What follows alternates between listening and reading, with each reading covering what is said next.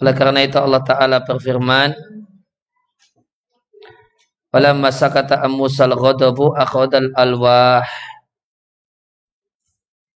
Dan tatkala marahnya Musa itu telah diam, maka Musa mengambil lembaran-lembaran Taurat. Maka ayat ini menunjukkan bahasanya ketika seorang itu marah bisa melakukan hal yang seandainya dia dalam kondisi normal dia tidak akan melakukannya. Ketika Musa kembali menemui Bani Israel, dia melihat Bani Israel menyembah patung anak sapi. Maka dia marah sampai-sampai dia tidak sadar kalau sebenarnya membawa lembaran-lembaran Taurat yang berisi firman Allah kemudian dia lemparkan. Setelah sadar, barulah lembaran Taurat tadi dia ambil.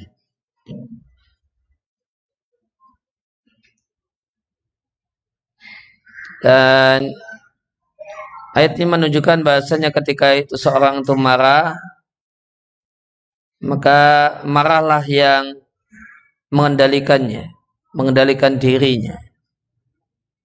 Sehingga eh, marah itulah yang menjadi fa'il. Sakata an musal ghadab. Hmm. Eh, maka tatkala marahnya Musa ya, diam. Marahnya Musa tenang. Fa'il subjek dari tenang itu adalah bukan Musa, namun marahnya Musa. Allah tidak mengatakan maka tatkala Musa sudah tidak lagi marah. Tapi tatkala marahnya telah tenang. Maralah yang diam dan tenang. Maralah yang menjadi subjek. Itu menunjukkan bahwasanya ketika seorang itu marah, ya, dia tidak menguasai dirinya. Banyak orang atau ketika marah dia tidak menguasai dirinya, namun dirinya dikuasai dan dikendalikan oleh amarah. Dan Allah Ta'ala berfirman tentang sifat orang-orang yang beriman dan jika mereka marah, mereka memaafkan. Dan terdapat dalam hadis Nabi Shallallahu Alaihi Wasallam menyampaikan bahasanya marah itu adalah bara api yang ada di hati manusia. Tidakkah engkau lihat memerahnya dua matanya, kemudian membengkaknya, uh, saluran darah di lehernya saat marah? Faman ahasa ahasa bisyai'in maka siapa yang merasakan bisyai'in min dalika satu dari hal itu tanda-tanda marah falyalasak bil ardi maka adalah dia menempelkan diri pada tanah Diatkan oleh At-Tirmidzi dan Ahmad dalam satu hadis yang panjang. Visi hadis ini bahasanya marah itu memiliki pengaruh yang jelek karena marah itu membawa ke, me, menjumuskan al-insana orangnya ilal mawarida ke dalam berbagai macam permasalahan yang tidak dia maksudkan dan dia tidak inginkan. Oleh karena itu Nabi Shallallahu Alaihi Wasallam melarang marah dan mengingatkan bahaya marah dan Nabi mengulangi hal tersebut di banyak momen dan kesempatan. Dan realitanya demikian, gara-gara marah orang itu punya masalah baru. Punya masalah baru yang masalah baru tersebut boleh jadi tidak diinginkan dan tidak diharapkan. Sebenarnya. Namun timbul masalah-masalah baru ya karena mengikuti emosi. Kemudian hadis ini jadikan dalil bahasanya ucapan talak orang yang khutbah yang sangat marah itu ya sah. Itu jatuh, jatuh di sini artinya sah. Sebagaimana pendapat sejumlah ulama. Alasannya karena Nabi Shallallahu Alaihi Wasallam dalam hadis ini melarang marah, maka ini menunjukkan bahasanya pengaruh atau dampak marah itu tatarat tabu alaihi itu akan terwujud jika karena jika apa yang diucapkan saat marah itu tidak ada dampak hukumnya lama karena hunaka samaroton tentu tidak ada ada faedah dan manfaat Nabi melarang marah sudah biarin saja diungkapkan sepuasnya dan tidak ada dampaknya. Kalau demikian hukumnya. Namun karena orang marah itu apa yang dia ucapkan itu tetap sah, maka Nabi e, melarang untuk marah dan meluapkan marah Wafi hadal istidlal menurut saat dan pendalilan semacam ini fihi nazar kurang tepat. Mayoritas ulama membagi marah itu menjadi tiga macam.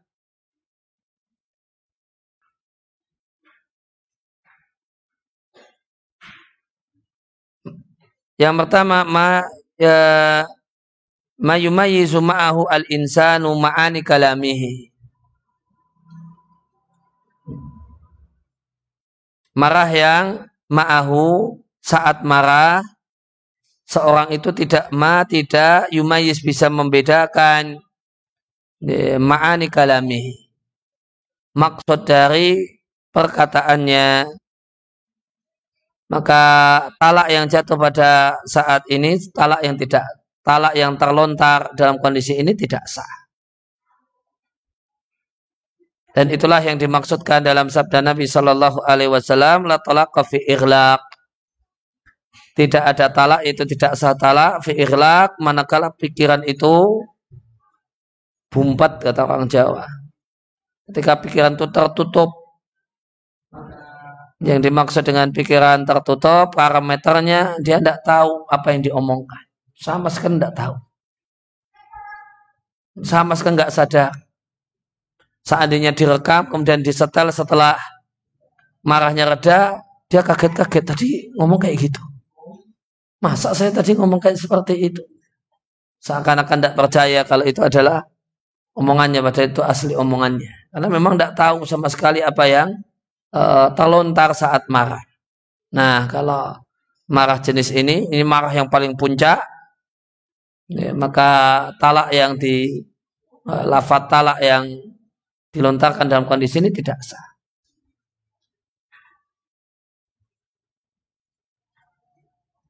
Kemudian talak, e, marah jenis yang kedua mayakunul mar'u mumayyizan di kalamihi marah yang seorang itu masih bisa membedakan perkataannya dan mengetahui awakibihi dampak dari perkataannya ini perkataan cerai dia tahu kalau perkataan yang diucapkan adalah perkataan cerai. Fahada yaqa'u talaquhu bila iskalin. Maka sah talaknya tanpa ragu, tanpa kebingungan.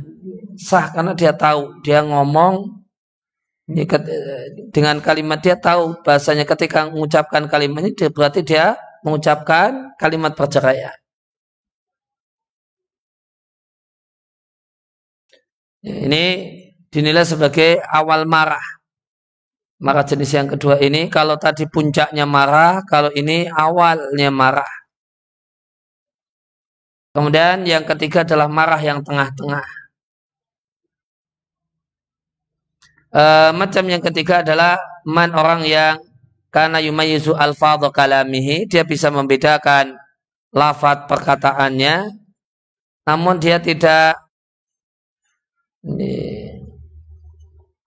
dia tidak ingat, tidak menghadirkan dampak dari dan dia tidak tahu atau tidak ingat dampak dari perkataannya.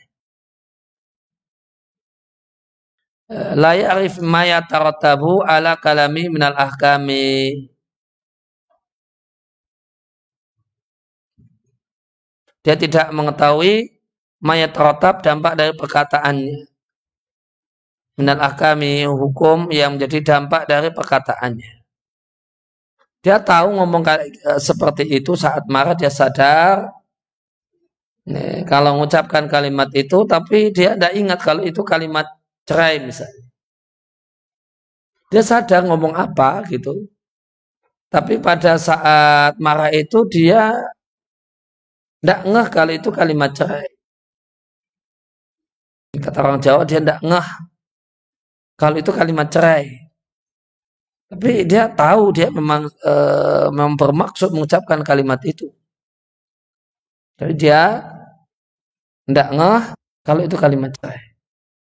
Maka yang e, lafat apa yang dia katakan, dia katakan secara sadar, non dia tidak istihdar. Istihdar di sini orang Jawa, ya, terjemah Jawanya tadi. Di bahasa Jawanya tidak ngeh. Tidak ngeh kalau itu kalimat cerai.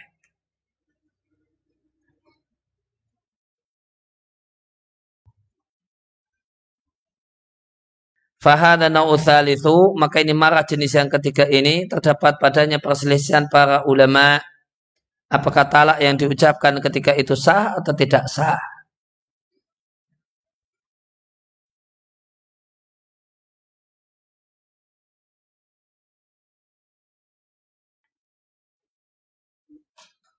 Dan sesaat tidak memutuskan.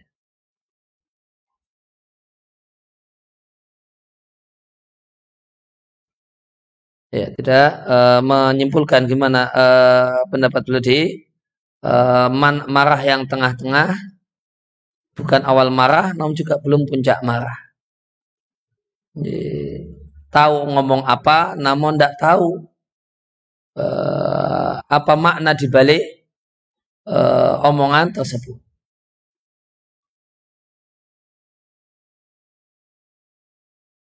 Wakat istadalah ba'dunna sebagian orang berdalil dengan hadis ini untuk mengatakan bahasanya Allah tidak memiliki sifat marah. Kalau mereka beralasan bahasanya jika manusia dilarang untuk marah maka ini menunjukkan bahasanya marah itu sifat yang tercela, mamkutah, sifat yang dibenci. Dan Allah Azza wa Jalla tidaklah bersifat dengan sifat yang dibenci penilaian ini kurang tepat. Padahal kali anahunaka sifatun karena ada sejumlah sifat yang itu tercela untuk manusia dan tidak tercela untuk Allah Azza wa Jalla di antaranya sifat sombong.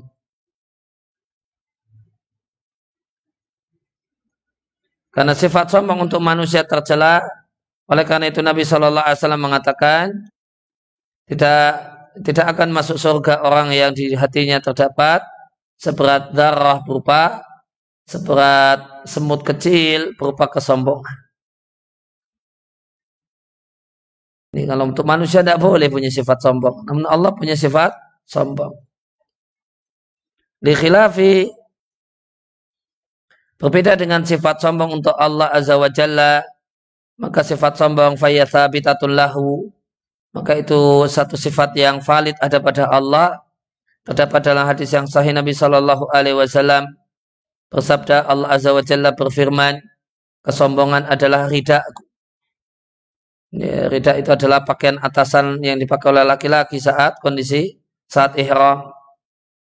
Wa adoma sedangkan keagungan adalah izarku. Izar adalah pakaian bawahan yang dipakai oleh laki-laki dalam kondisi ihram. Siapa yang merebut salah satu dari keduanya, aku lemparkan dia ke dalam neraka. Jika ada orang yang atau sebelumnya maka meskipun ini babnya bab eh, bab akidah ya pembahasan pembahasan akidah tentang eh, nama dan sifat Allah namun uh, sesaat menampilkan kepada kita uh, sikap kalem dalam dalam pembahasan akidah sekalipun. Sehingga pendalilan yang salah, yang cenderung sesat, itu beliau komentari dengan wafihad al istidlali nadharut. Pendalilan semacam ini kurang tepat. Dia tidak kemudian menggunakan bahasa-bahasa yang uh, ya tetap kalem lah bahasanya, kurang tepat. Gitu. Maka ya di bab akidah sekalipun ketika kita bahas penyimpangan dalam masalah akidah, ya tidak harus bahasanya bahasa ya, bahasa-bahasa yang wah. Ya, dia tidak mengatakan ini pemahaman yang sesat misalnya di sini. Ini pemahaman yang sesat, enggak, menggunakan bahasa demikian, tapi menggunakan bahasa ya ini ini uh, beralasan yang tidak tepat. Fa'in kala kail jika ada orang yang mengatakan marah adalah mendidihnya darah jantung untuk mencegah perkara yang menyakitinya. Dan Allah tersucikan dari hal ini maka jawaban kami ini adalah sebagian dari jenis marah manusia. Dan ini tidaklah bersifat general pada semua orang yang punya, pada semua makhluk yang punya sifat marah. Fagolayan maka mendidihnya darah di jantung. Inamahuwa atharun hanyalah salah satu dari dampak marah di sebagian kondisi. Dalilnya kita jumpai ada marah namun tidak ada padanya mendidihnya darah jantung. Orangnya marah namun dia tidak meledak-ledak. Tapi dia marah. Dia tetap kalem gitu, tapi marah itu. Maka tidak mesti meledak-ledak. Marah dengan bentuk meledak-ledak itu sebagian marah saja, tidak semua marah. Waqat warada terdapat dalam hadis bahasa Nabi Shallallahu Alaihi Wasallam menahan marah.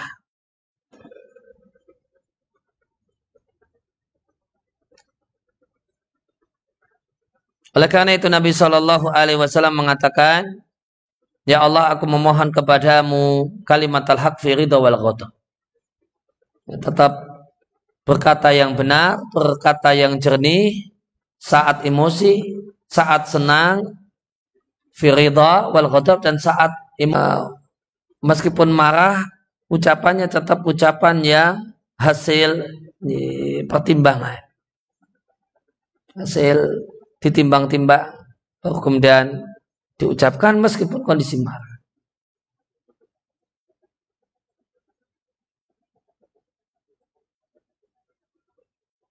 Inilah uh, ini kondisi yang kondisi yang terpuji. Dan itu yang menjadi doa Nabi dan permintaan Nabi kepada Allah Azza wa Jal. Dan kondisi semacam ini di, dimiliki oleh orang yang bagus akalnya. As'aluka kalimat al-haq firida wal khoda.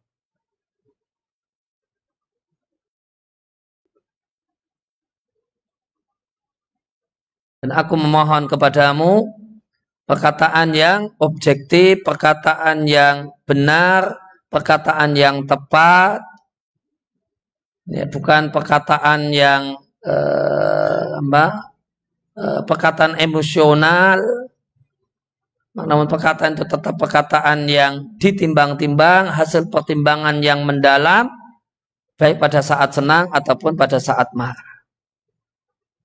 Banyak orang itu kalimatul haknya firido saja. Ini, kalau orang itu orang yang akalnya tidak ya, bagus, ini, itu ini, ketika dia lagi kondisi normal, kondisi senang, uh, itulah aslinya gitu. Itu aslinya. Namun kalau marah, ini, maka yang keluar itu hiperbola, ini, ini perkataan yang tidak ditimbang matang-matang yang nanti disesali setelah marahnya selesai. Nah, ini keadaan yang ya, yang tidak diharapkan. Ya, maka keadaan yang bagus adalah ya, kalimatul haq tidak hanya indah ridho namun juga indal ghadab. Bisa tetap ngomong yang benar, ngomong yang tepat meskipun kondisinya kondisi marah.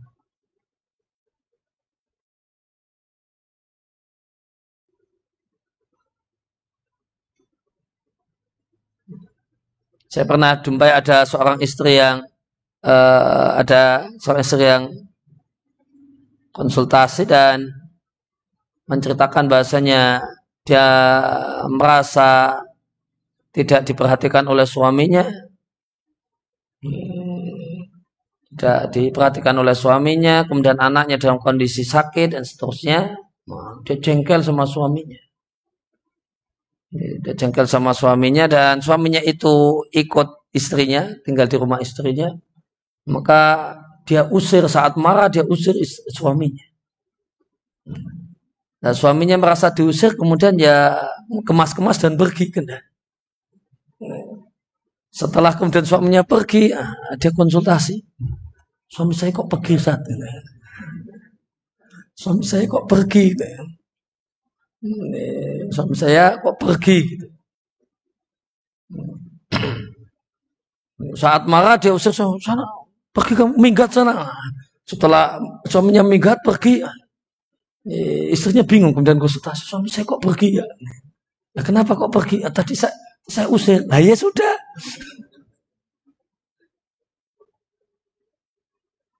Ngomong tadi diusir ya terus pergi ya, ya sudah jawabannya. Gimana lagi? Ya maksud saya itu dia ya tolonglah perhatian, care gitu, nggak nggak kemudian cuek ini, ini. Saya jengkel, saya usir. Ya, ya, tapi setelah itu, tapi kok pergi?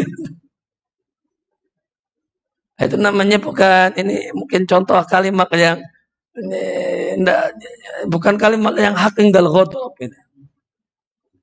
Kalau memang sudah memang memang serius mau diusir ya sudah jangan disesali kalau kemudian suaminya pergi gitu.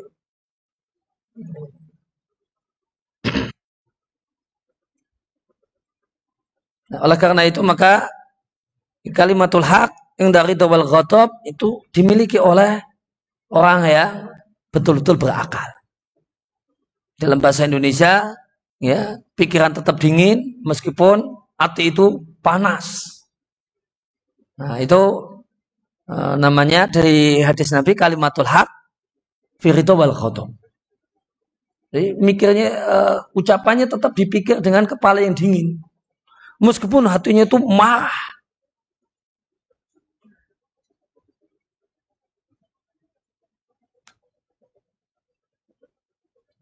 Dan satu hal yang uh, ama,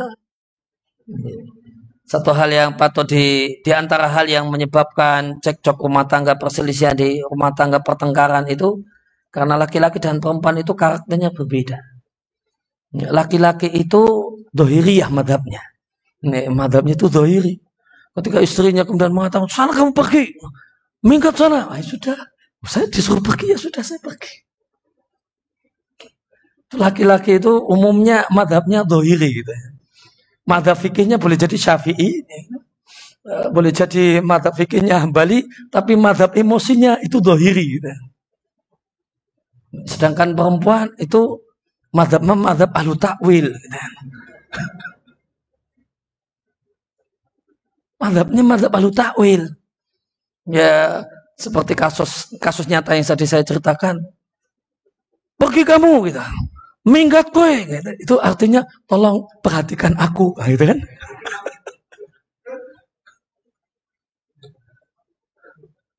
Tolong perhatikan aku. Tolong peduli denganku. Jangan cuek seperti itu. Itu artinya itu tapi tapi teksnya enggak. Minggat kue gitu kan? Teksnya itu minggat kue Maknanya jangan cuek. Carelah padaku. Perhatikan diriku. Saya ini repot, ini anak lagi sakit. Kamu kok cuek? Ah, gitu. Jadi sehingga terjadi ini dan keributan ini gara-gara lain madhab ini.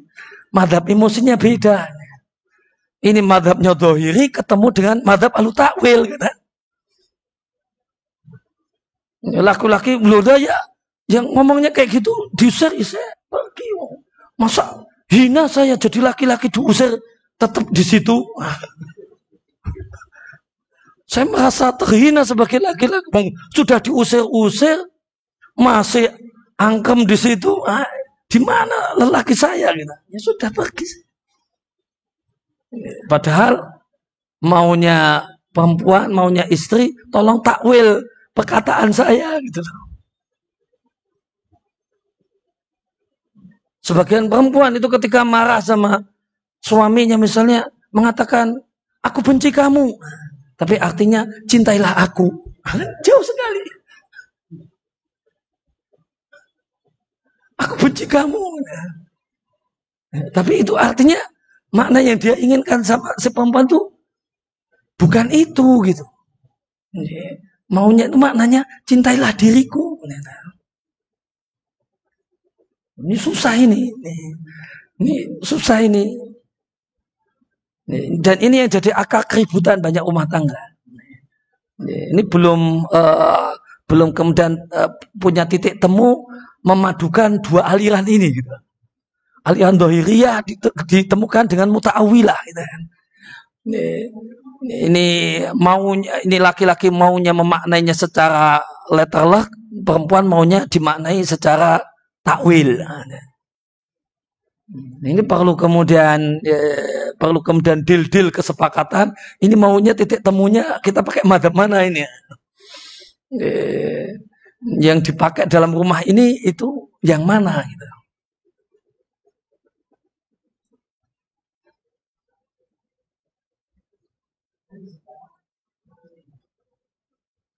Nah, kemudian eh, dan maka itu kunci, kunci, kunci kemudian Yeah.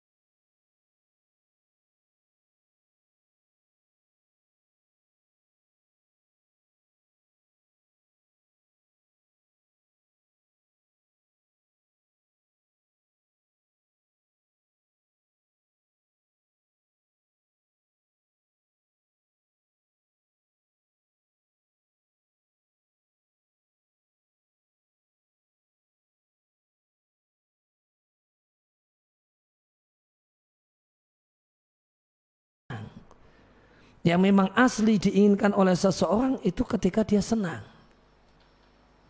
Nah ketika dia marah itu perkataannya pada dasarnya tidak bisa di jangan dimaknai seperti itu. Jangan dimaknai apa adanya. Karena omongan orang marah, omongan orang emosi.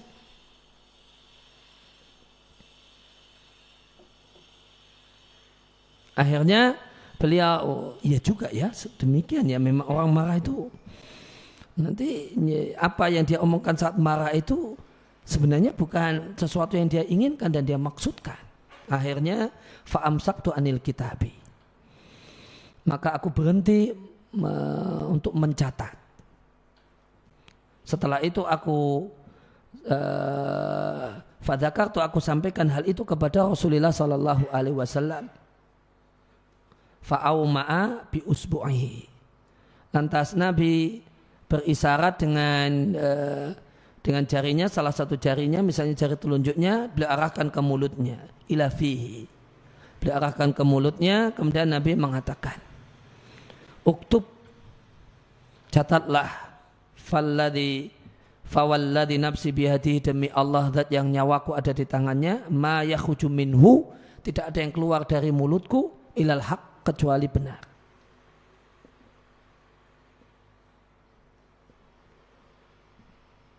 Dengan bahasa yang lain, eh, permohonan Nabi untuk memiliki kalimatul haq fi wal ghadab itu Allah kabulkan. Sehingga sama saja bagi kalau untuk Nabi sama saja ucapan ketika marah dan ketika tidak marah itu sama saja. Ya memang itu semua adalah ucapan yang perkataannya memang dimaksudkan. Perkataannya memang diinginkan. Adapun umumnya banyak orang atau umumnya banyak orang itulah orang yang kualitas akalnya tidak bagus. Ucapannya ketika marah itu jangan diartikan apa adanya. Ini, ini ucapan orang emosi.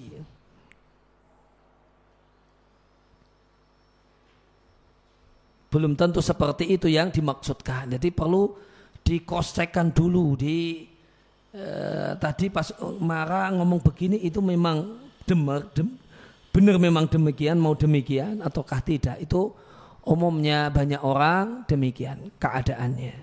Perkataan dia ketika marah jangan langsung diterima, namun perlu dikoscekkan terlebih dahulu. Ini tadi pas marah punya lima kalimat. Kalimat ini itu memang iya seperti itu maunya. Kalimat yang kedua betul seperti itu maunya dan demikian seterusnya. Adapun orang yang akalnya akal yang bagus, maka maka ada pada dirinya kalimatul haq firido wal. Ketika marah, semua kalimat yang dia ucapkan memang sudah dia pertimbangkan. Dan itulah yang memang dia inginkan.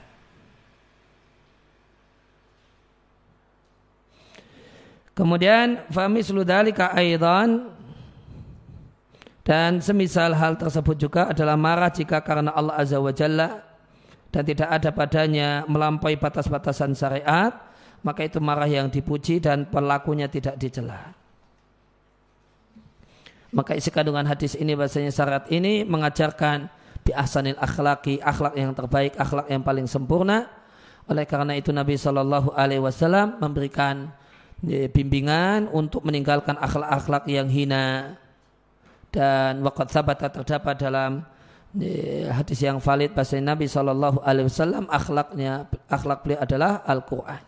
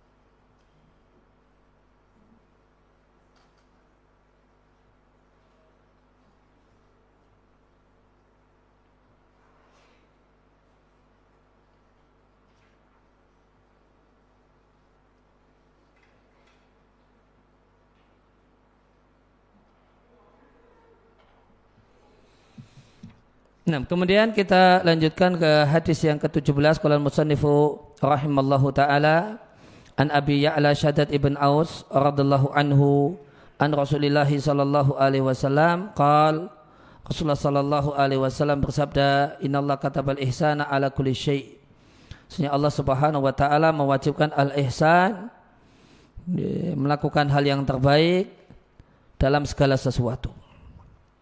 Faidah kotaltum jika kalian membunuh maka bunuhlah dengan cara membunuh yang baik. Jika kalian menyembelih maka fa'asinu adzabaha maka perbaguslah cara menyembelih. Wal yuhidda ahadukum syafratahu hendaklah kalian tajamkan pisaunya. Wal yurih dzabihatahu dan hendaklah dia kondisikan nyaman hewan yang hendak dia sembelih.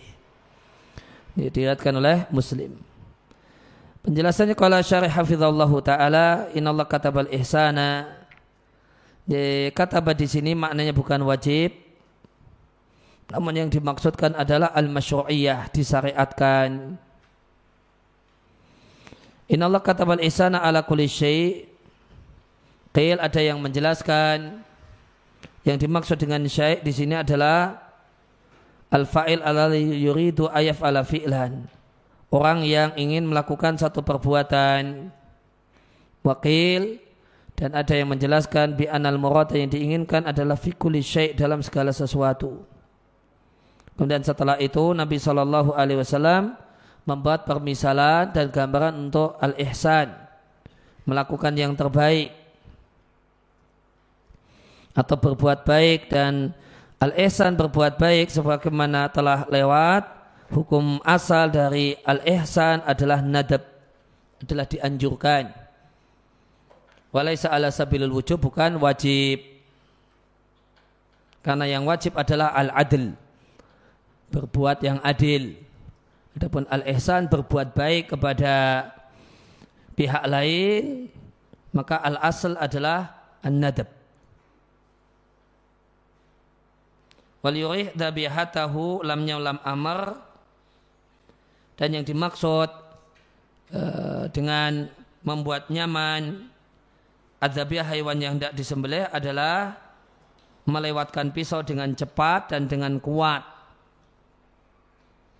Wakil dan ada yang menjelaskan dengan memberikan makanan dan apa yang uh, dan apa yang dia butuhkan. Dan makanan yang dia butuhkan uh, bitak timil alaf dengan menyuguhkan pakan dan makanan yang dia butuhkan. Wakila ghairu dalika dan ada penjelasan yang lainnya. Di antara fawaid atau kandungan hadis ini bahasanya al-ihsan berbuat baik adalah di antara perkara yang disyariatkan yang digunakan untuk mendekatkan diri kepada Allah. Dan yang dimaksud dengan al-ihsan di sini al-ihsan di sini takdimul khairi ilal ghair. Berbuat berbuat baik kepada pihak lain.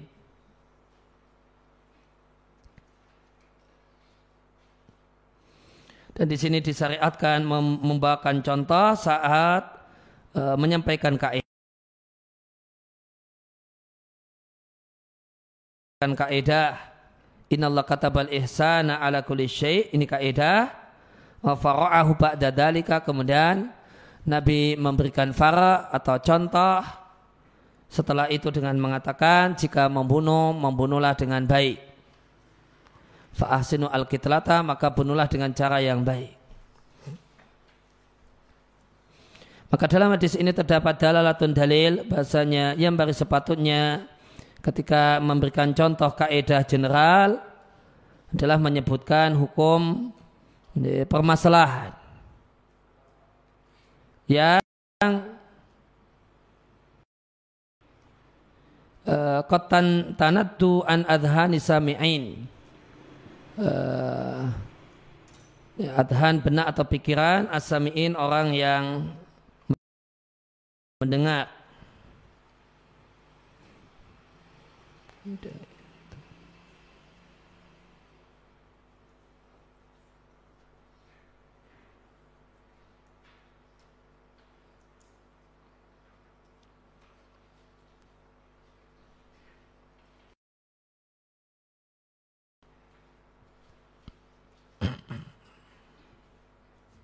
itu itu nadda itu padalnya tasjid. Ya, nadda uh, nadaya nad eh, nadaya nad artinya nafara wa syaroda. Ya. tanutu laqad tanutu an adhan.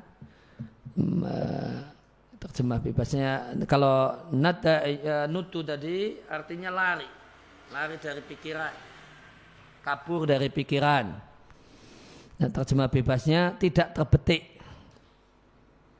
Tidak terbetik pada benak pendengar. Maka sebutkan rincian permasalahan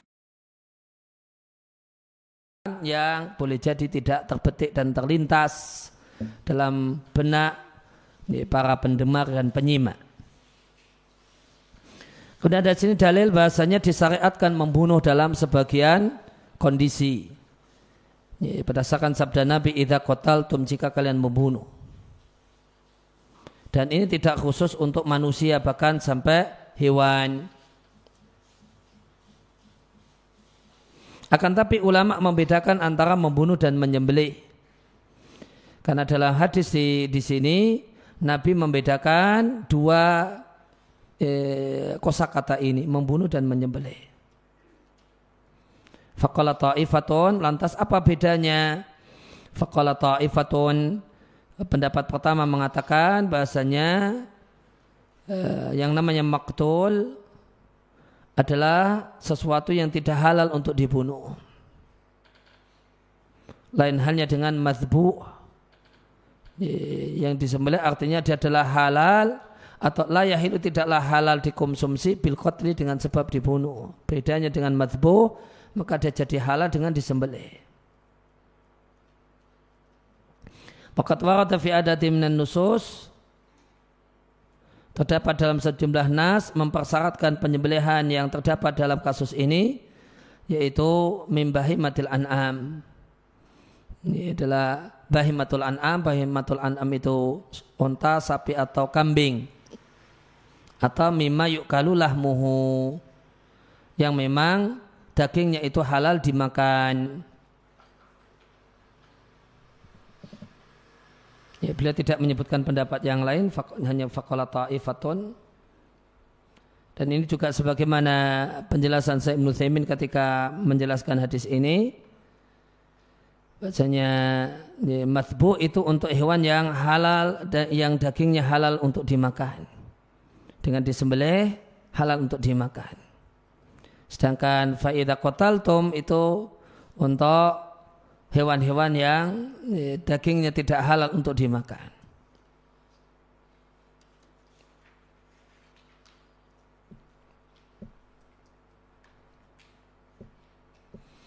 Wafihi kemudian dalam hadis ini dalil disyariatkannya bersegera dalam menyembelih hewan yang ingin disembelih. Demikian juga disyariatkan untuk cepat-cepat dalam menyiapkannya dan watartibi amrihi dan uh, menata keadaannya. Sebagian ulama mengecualikan dalam masalah ini kisas. Karena kisas al asal hukum asalnya adalah kitlatul qatili cara membunuh untuk pelaku pembunuhan itu sama dengan kitlatil maktuli cara membunuh untuk korbannya. Ini hukum asalnya. Wa min maka dari sana qad la takunu tilka tariqatu boleh jadi jalan cara tersebut tidaklah mustahsana teranggap baik ala a'la darajatil istihsan dalam level uh, anggapan baik yang paling paling tinggi.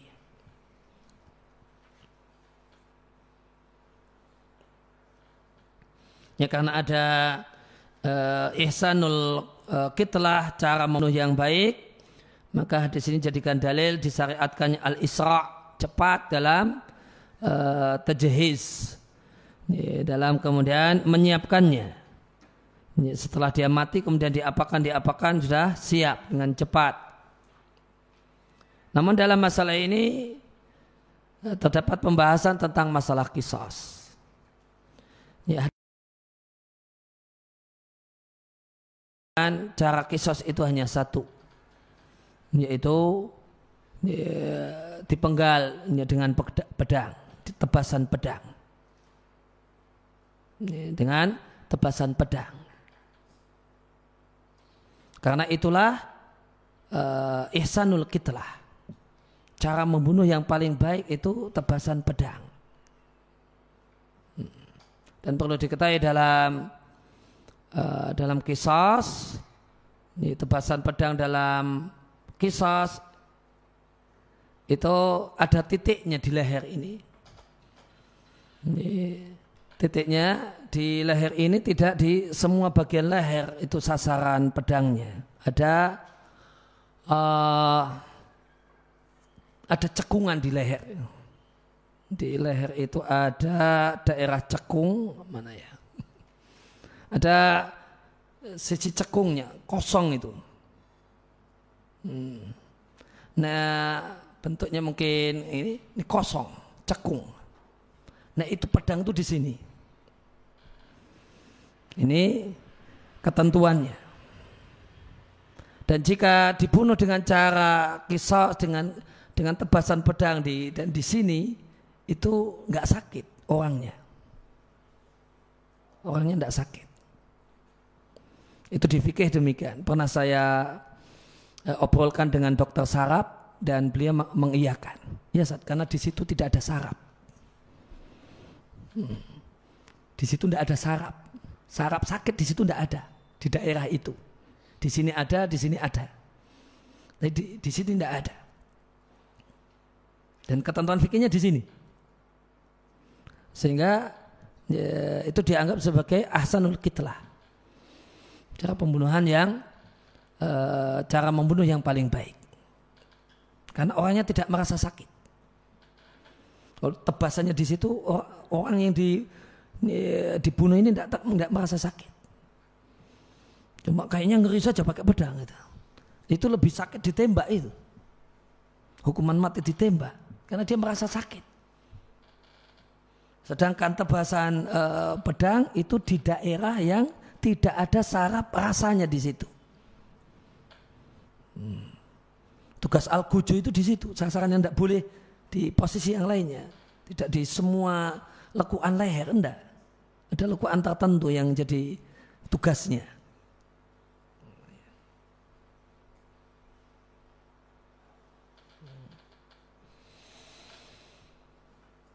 Nah, maka uh, karena fa'asinul kitlah sebagian ulama fikih mengatakan semua kisos itu apa pun dia cara dia membunuh korbannya nyetrum di kemudian apa ditenggelamkan atau apa gitu atau dijerat dan sebagainya kisosnya adalah tebasan pedang karena itu adalah ya, melaksanakan perintah Nabi wa idza qataltum fa ahsinul kitlah ihsanul kitlah.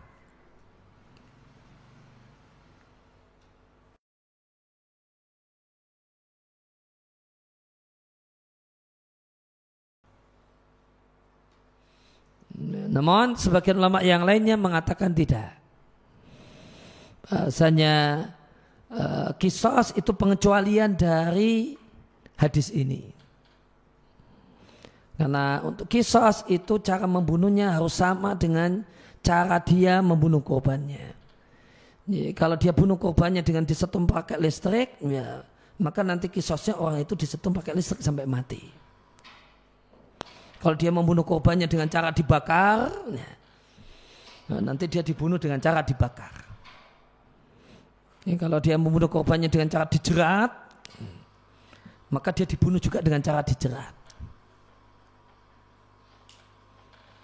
Nah maka kalau pakai pendapat ini, pendapat yang kedua ini maka tadi dikatakan wa min thama qad la takunu tilka tariqatul mustahsanatan al a'la darajatil istihsan. Ya, jadi cara nanti cara eksekusinya tidak dinilai bagus dengan level derajat dianggapan bagus dalam cara membunuh yang level yang paling tinggi.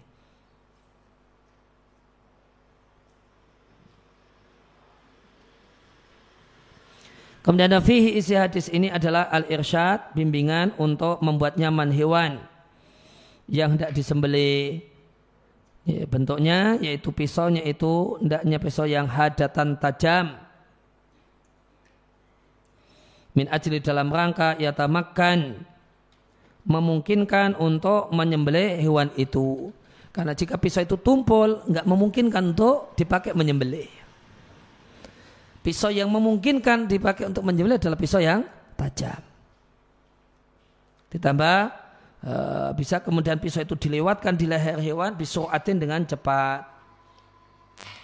Dan tidaklah diragukan bahasanya berbuat baik kepada hewan. Fidhabihah yang hendak disembelih adalah perkara yang toyib, perkara yang bagus dan dinilai mustahsanun dinilai bagus. Kemudian hadis ini dalil larangan muslah, larangan mutilasi. Indah qatlil asra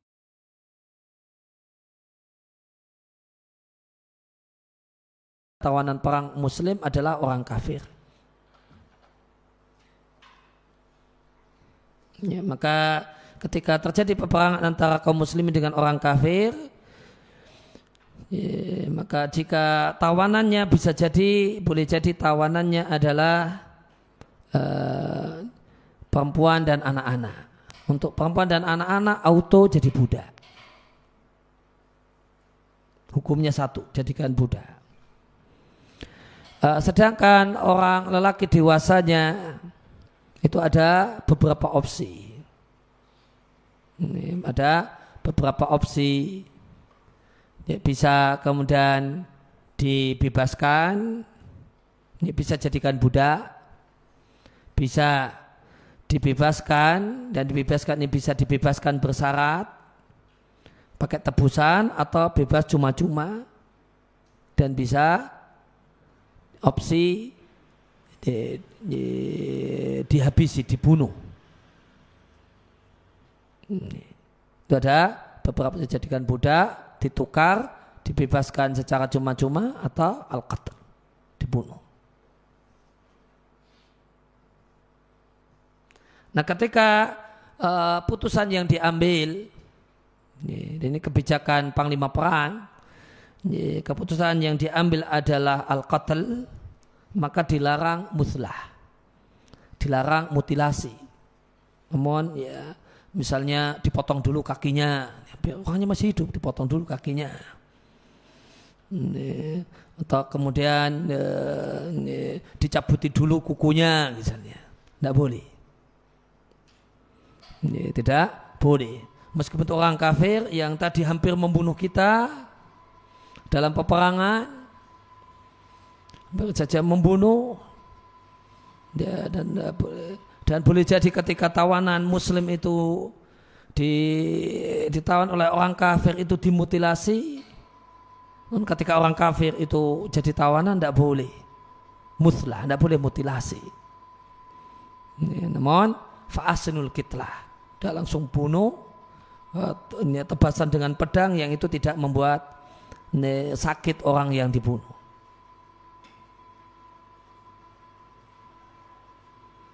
Kemudian dalam hadis ini terdapat dalil hukum asal membunuh orang lain adalah haram dan terlarang kecuali yang telah dikecualikan yang telah dibahas di hadis sebelumnya.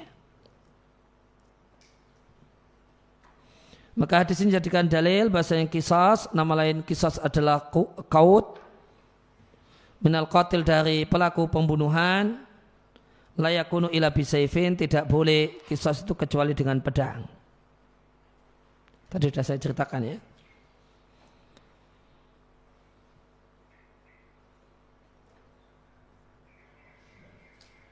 Sebagaimana ini pendapat Abu Hanifah, Sufyan Thauri dan salah satu pendapat Imam Ahmad.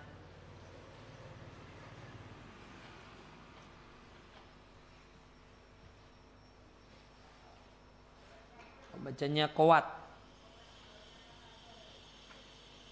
Ya, maka kisos itu nama lainnya kuat.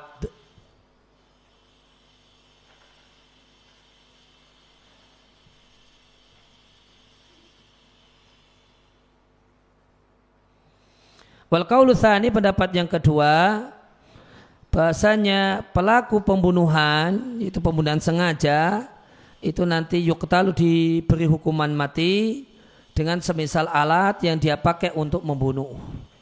Kalau alatnya adalah kabel listrik disetrum ya sama, pakai itu juga. Wafil hadis dalam hadis ini disyariatkan ihsanud dzabahi. Menyembelih dengan baik terhadap hewan dengan cara Israel ijhas alaiha.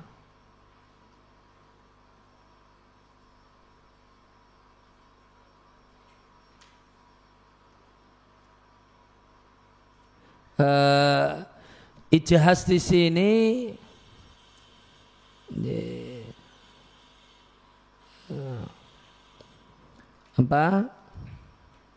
Uh, dengan cepat untuk dibereskan gitu dalam tanda kutip dibereskan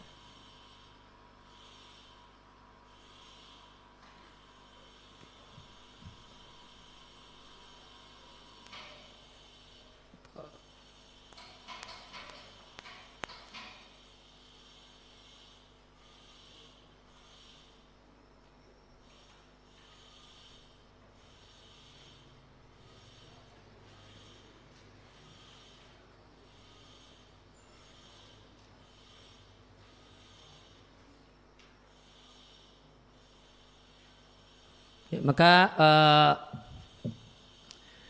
misalnya memerangi memerangi orang kafir berbeda dengan memerangi muslim yang boleh diperangi. Ini sudah kita bahas uh, di antara contoh-contoh muslim yang boleh diperangi. Misalnya perampok, misalnya burot, itu ada ketentuan hukum yang berbeda. Di antara yang beda adalah nih, nih, kalau sama-sama terluka, nih, kalau orang kafir ketika orang kafir orangnya kabur boleh dikejar.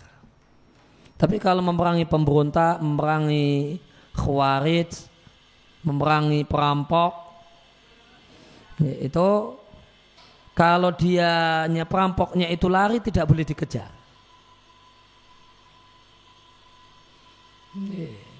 Nah, ketentuan yang lainnya adalah ketika uh, lawan dalam hal ini terkapar terluka. Maka kalau perang itu dengan orang kafir ya, dibolehkan dan dibenarkan untuk ijahas Udah disekaliankan saja mati. Dia terkapar, berdarah-darah. Kalau dibiarkan dia bisa hidup. Udah disekaliankan dalam tanda kutip sekalian saja mati.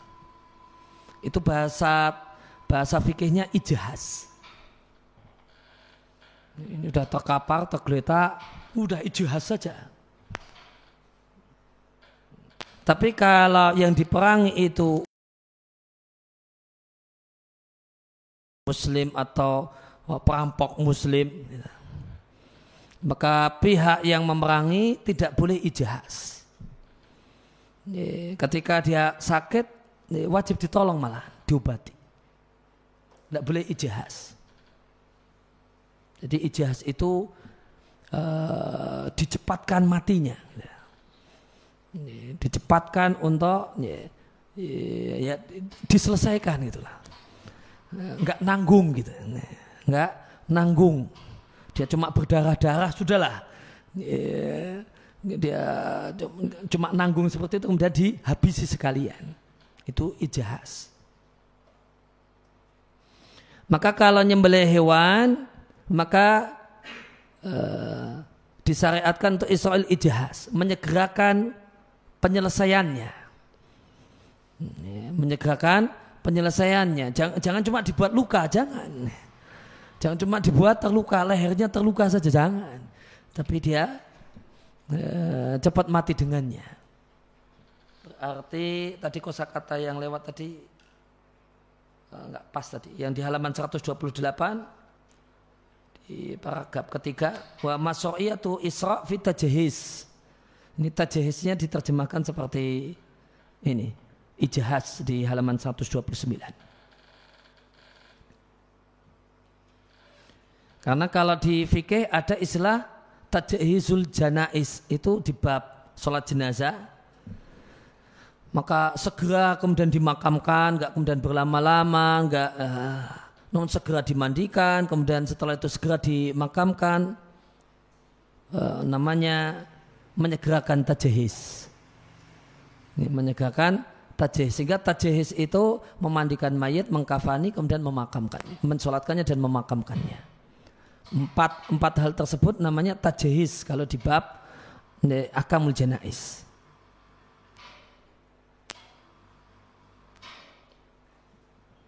Nah tajihis yang diinginkan di sini adalah ijhas. Bukan tajihis seperti penyiapan uh, mayit di bab sholat jenazah. Kemudian di antara bentuk ihsan nudzabahi adalah tidak menjadikan sebagian hewan nonton temannya yang lainnya. Nonton temannya disembelih. Demikian juga bentuk ihsannya adalah tidak menyiksa hewan dengan bentuk uh, al-idha menyakiti wa dan bentuk penyiksaan apa pun. Misalnya dipukuli, diseret, dan seterusnya. Sebagaimana terdapat larangan berbuat buruk, menyakiti hewan dalam penyembelihan, aidan asya mumathilatun minha. Maka ada juga aturan-aturan yang semisal dengannya. Maka di antara hal yang terlarang adalah sobul bahaim. Apa itu sobul bahaim? Wahia anta baqa wakifatan dia berdiri menonton salah satu hewan yang yukhot yang diambil min baini aidiha di hadapannya fayuktalu lantas dibunuh. Dia me, dia menyaksikan kawannya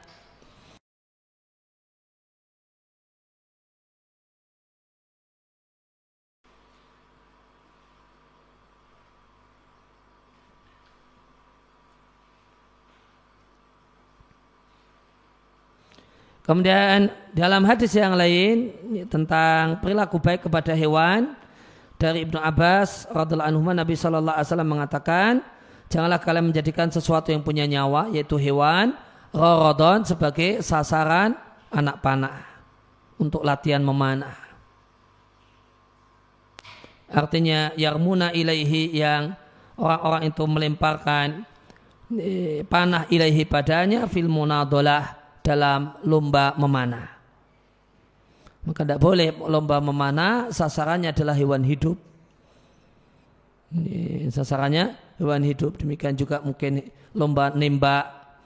Ini, maka tidak boleh itu uh, uh, hewan dijadikan sebagai sasaran.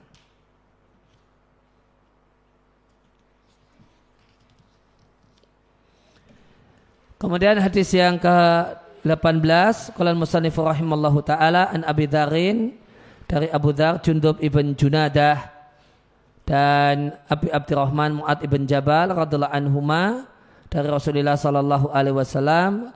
Rasul berpesan kepada dua sahabat ini dengan tiga kalimat itaqillaha haitsu makunta bertakwalah engkau di mana saja engkau berada. Wa'ad bi sayyi'atal hasanata tamhuha ikutilah perbuatan jelek dengan perbuatan baik, niscaya perbuatan yang baik itu akan menghapus perbuatan yang jelek. Wa khaliqin nasabi khuluqin hasanin dan sikapilah semua manusia dengan akhlak mulia. Diatkan oleh At-Tirmidzi, Tirmidzi mengatakan hadis hasan dalam sebagian naskah Tirmidzi di sebagian versinya hadisun hasan sahih. Kalau syarih hafidhullahu ta'ala dalam hadis ini minal fawaid, kandungan hadis ini perintah untuk bertakwa kepada Allah Azza wa Jalla. Yang dimaksud dengan takwa adalah seorang hamba menjadikan antara dia dengan adab Allah biqayatan tameng pelindung. Bentuknya adalah melakukan ketaatan dan meninggalkan maksiat. Atau seorang hamba menjadikan antara dia dengan muka Allah tameng pelindung dalam bentuk melaksanakan perintah dan menjadi larangan. Ida takorohada jika ini telah jelas maka takwa yang diperintahkan dalam hadis ini Maka takwa yang diperintahkan dalam hadis ini jaat ala anwa'in. Terdapat beberapa bentuk takwa yang diperintahkan. Yang pertama, takwa kepada Allah. Contohnya hadis ini, itakilaha. Contoh yang lainnya firman Allah Ta'ala, wattaqullaha alladhi ilahi tuhsyarun. Bertakwalah kalian kepada Allah yang kalian itu semua akan dikumpulkan untuk menghadapnya. Kemudian yang kedua ada takwa neraka. Menjaga diri dari neraka. Wattakun nara. Ini jaga diri kalian dari neraka yang telah disiapkan untuk orang-orang kafir. Yang ketiga ada perintah untuk itiqa. Menjaga diri. Melindungi diri pada hari kiamat. Wattaku yauman. Lindungi diri kalian dengan satu hari di mana semua kalian akan dikembalikan di hari itu kepada Allah. Kemudian setiap jiwa akan dibalas dengan apa yang dia lakukan selama di dunia. Wahum layut lamun dan mereka tidak dizalimi. Itu ada tiga jenis takwa dalam Al-Quran. Takwa kepada Allah takwa dalam artian menjaga diri dari neraka kemudian takwa dalam pengertian menjaga diri dari kengerian hari kiamat tidaklah dilakukan bahasanya takwa itu memiliki buah yang besar buah yang penting dan di antara buahnya adalah apa yang disebutkan oleh Allah Azza wa Jalla dalam firman-Nya, "Wa may yattaqillaha yaj'al makhraja." Barang siapa yang bertakwa kepada Allah, maka Allah akan jadikan baginya jalan keluar. Artinya orang yang bertakwa itu bukan berarti orang yang tidak punya masalah. Dan orang yang bertakwa itu bisa saja dia punya masalah, namun Allah berikan kepadanya jalan keluar permasalahannya. Dan di antara jalan e, keluar permasalahan yang penting adalah sabar menghadapi masalah. Wa dan Allah akan memberikan rezeki padanya dari arah yang tidak dia sangka-sangka.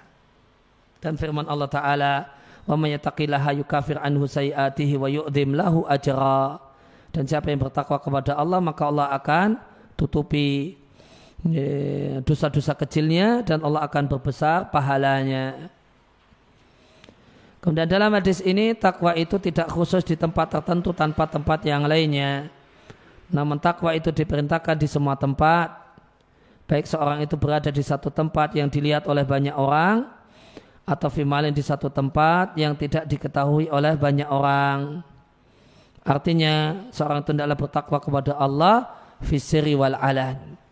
Ketika dia sendiri tiada ada siapa-siapa wal alan dan di tempat ada banyak orang. Maka bertakwa fil alan di tempat yang bisa diakses oleh banyak orang. Wa yu'addi ma yu'addihi ta'at. Dia lakukan ketaatan yang dia lakukan karena beribadah kepada Allah bukan karena ingin dilihat oleh makhluk. Kemudian hadis ini dalil bahasanya hukum asal hukum itu bersifat e, general di semua negeri, di, semua tempat, kecuali jika ada sebab tertentu dan alasan tertentu yang mengubah hukum syar'i. Amal aslu adapun hukum asalnya fa inna idza thabata hukmun syar'iyyun fi makanin jika terdapat satu hukum syar'i di satu tempat, maka itu berlaku di semua tempat. Kemudian dalam hadis ini terdapat perintah untuk melakukan amal kebajikan dan yang dimaksud dengan al-hasanat adalah al-qurbat wa ta'at. Karena kata-kata al-hasanah itu uh, artinya banyak. Hasanah bisa artinya pahala. Hmm, ya. Artinya bisa artinya pahala. Siapa yang baca satu huruf dari Al-Quran, falahu hasanah. Untuknya satu pahala. Kemudian kata-kata ahla hasanah itu terkadang artinya nikmat. Kadang artinya nikmat. Karena ada banyak kata, banyak makna untuk hasanah, maka dijelaskan di sini. Eh, di sini ada perintah untuk melakukan hasanah dan yang dimaksud dengan hasanah adalah al-qurbat amal-amal yang mendekatkan diri kepada Allah wa dan amal-amal ketaatan. Kemudian isi hadis ini seorang hamba jika melakukan kejelekan maka disyariatkan baginya untuk melakukan amal kebajikan setelahnya agar Allah menghapus amal kejelekan tersebut dengan amal kebajikan alat tijaat ba'daha yang dia lakukan setelah itu. Dan dalil tentang hal ini juga ada pada firman Allah Ta'ala di surat Hud Innal hasanati yudhibun sayiat sehingga amal kebajikan itu bisa menghilangkan amal kejelekan. Dan hadis ini dalil bahasanya dosa itu ter, uh, bisa dihapus bisa babi mayut biuha minal hasanat wal khairat disebabkan karena setelah melakukan kejelekan dia ikuti dengan melakukan kebaikan dan kebaikan. Wa dulu ala hada dalil yang lain untuk hal ini adalah firman Allah Ta'ala in tajtanibu kaba'iramatun hauna jika kalian menjauhi dosa-dosa besar, dosa-dosa besar yang kalian dilarang untuk melakukannya, nukafir angkum sayyatikum. Akan kami hapus dari kalian dosa-dosa kecil kalian dan kami masukkan kalian mutakholan karima di tempat masuk yang mulia itu surga. Mayoritas ulama menghamal memaknai firman, uh, sabda Nabi Shallallahu Alaihi Wasallam dalam hadis ini, "Wat bisayatal hasanata tamhuha Ikutilah perbuatan jelekmu dengan perbuatan baik, niscaya perbuatan baik akan menghapusnya. Perbuatan jelek yang dimaksudkan adalah asaghair dosa kecil. Karena dosa besar tidak boleh tidak harus taubat. Adapun dosa kecil bisa dihapus bima yuf'alu ba'daha minat ta'at dengan ketaatan dilakukan setelahnya. Mereka para ulama mendalil hal tersebut dengan sabda Nabi Shallallahu Alaihi Wasallam Sholat lima waktu, sholat Jumat ke sholat Jumat berikutnya, Ramadan ke Ramadan berikutnya, itu menghapus dosa yang ada di antara keduanya. Idatstam naba al kabair. Ya, jika orang tersebut menjadi dosa besar, ya, fa dalika maka hal itu yaitu terhapusnya dosa disyaratkan bil kabair dengan menjauhi dosa besar.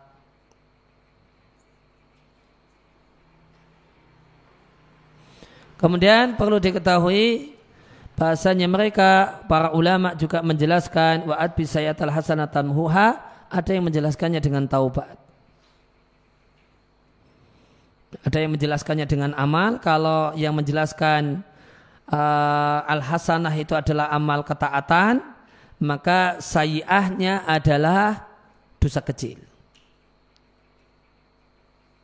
Tapi kalau al-hasanahnya itu taubat, maka sayiahnya itu tidak hanya terbatas dosa kecil. Bisa dosa kecil, bisa dosa besar.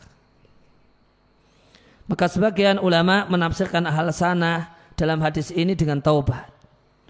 Dan tidak diragukan bahasanya taubat itu memiliki pengaruh yang besar. Dengan taubat Allah Azza wa Jalla menghapus dosa. Sebagaimana firman Allah Ta'ala Wa inilah ghafarun sungguh aku adalah zat yang maha pengampun bagi siapa saja yang bertobat beriman beramal soleh summah tada kemudian mendapatkan petunjuk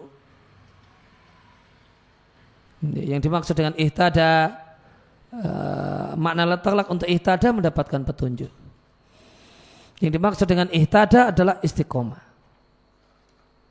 dalam amal kebajikan maka sungguh Allah maha pengampun bagi siapa yang bertobat, kemudian beriman, beramal soleh, thummah tada, kemudian dia istiqomah dalam amal soleh tersebut.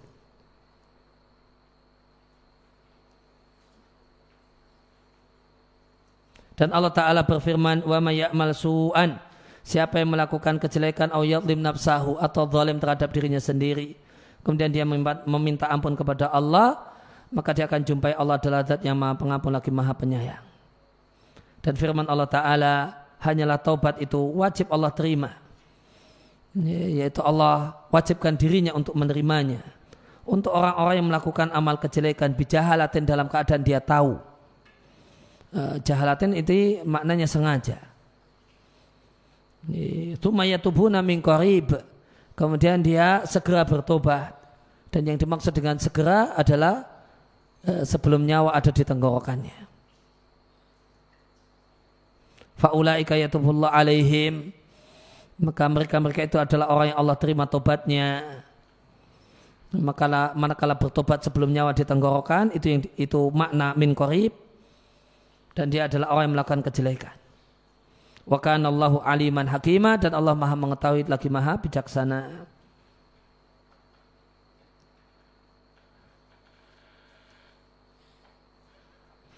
Sedangkan sejumlah tabi'in dan ini dicocoki oleh Syekhul Islam Ibn berpendapat bahasanya dosa besar bisa terhapus dengan melalui uh, perantaraan dosa kecil eh, dengan uh, dengan melalui amal kebajikan yang besar. Namun yang dimaksudkan adalah uh, amal kebajikan besar yang dilakukan setelahnya. Mereka beralasan untuk membenarkan pendapatnya bahasanya amal itu ditimbang di hadapan Allah di akhirat nanti. Nah pada saat itu yakunu hunaka muqabala.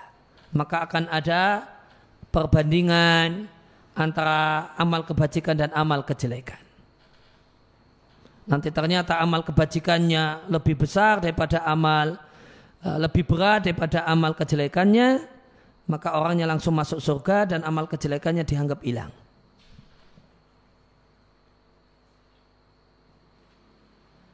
Ya, maka ini berarti uh, perbedaan Ibnu Taimiyah dengan Jumhur itu jadinya ya, perbedaan yang uh, redaksional.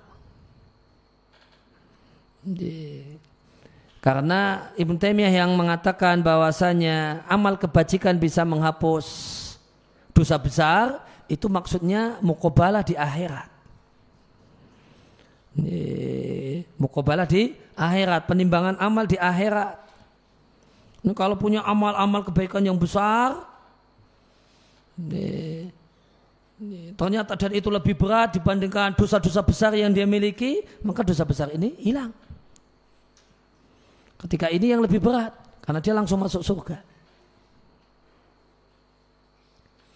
Sedangkan jumhur yang membatasi uh, amal kejelekan yang bisa dihapus dengan amal kebajikan itu tidak harus menunggu proses penimbangan amal. Ya, di dunia sudah terhapus. Ya, di dunia sudah terhapus. Kalau berdasarkan penjelasan ini maka jadinya uh, perbedaan pendapat dalam hal ini adalah perbedaan yang lafzi, redaksionalnya saja. Ini tidak betul-betul berbeda pendapat.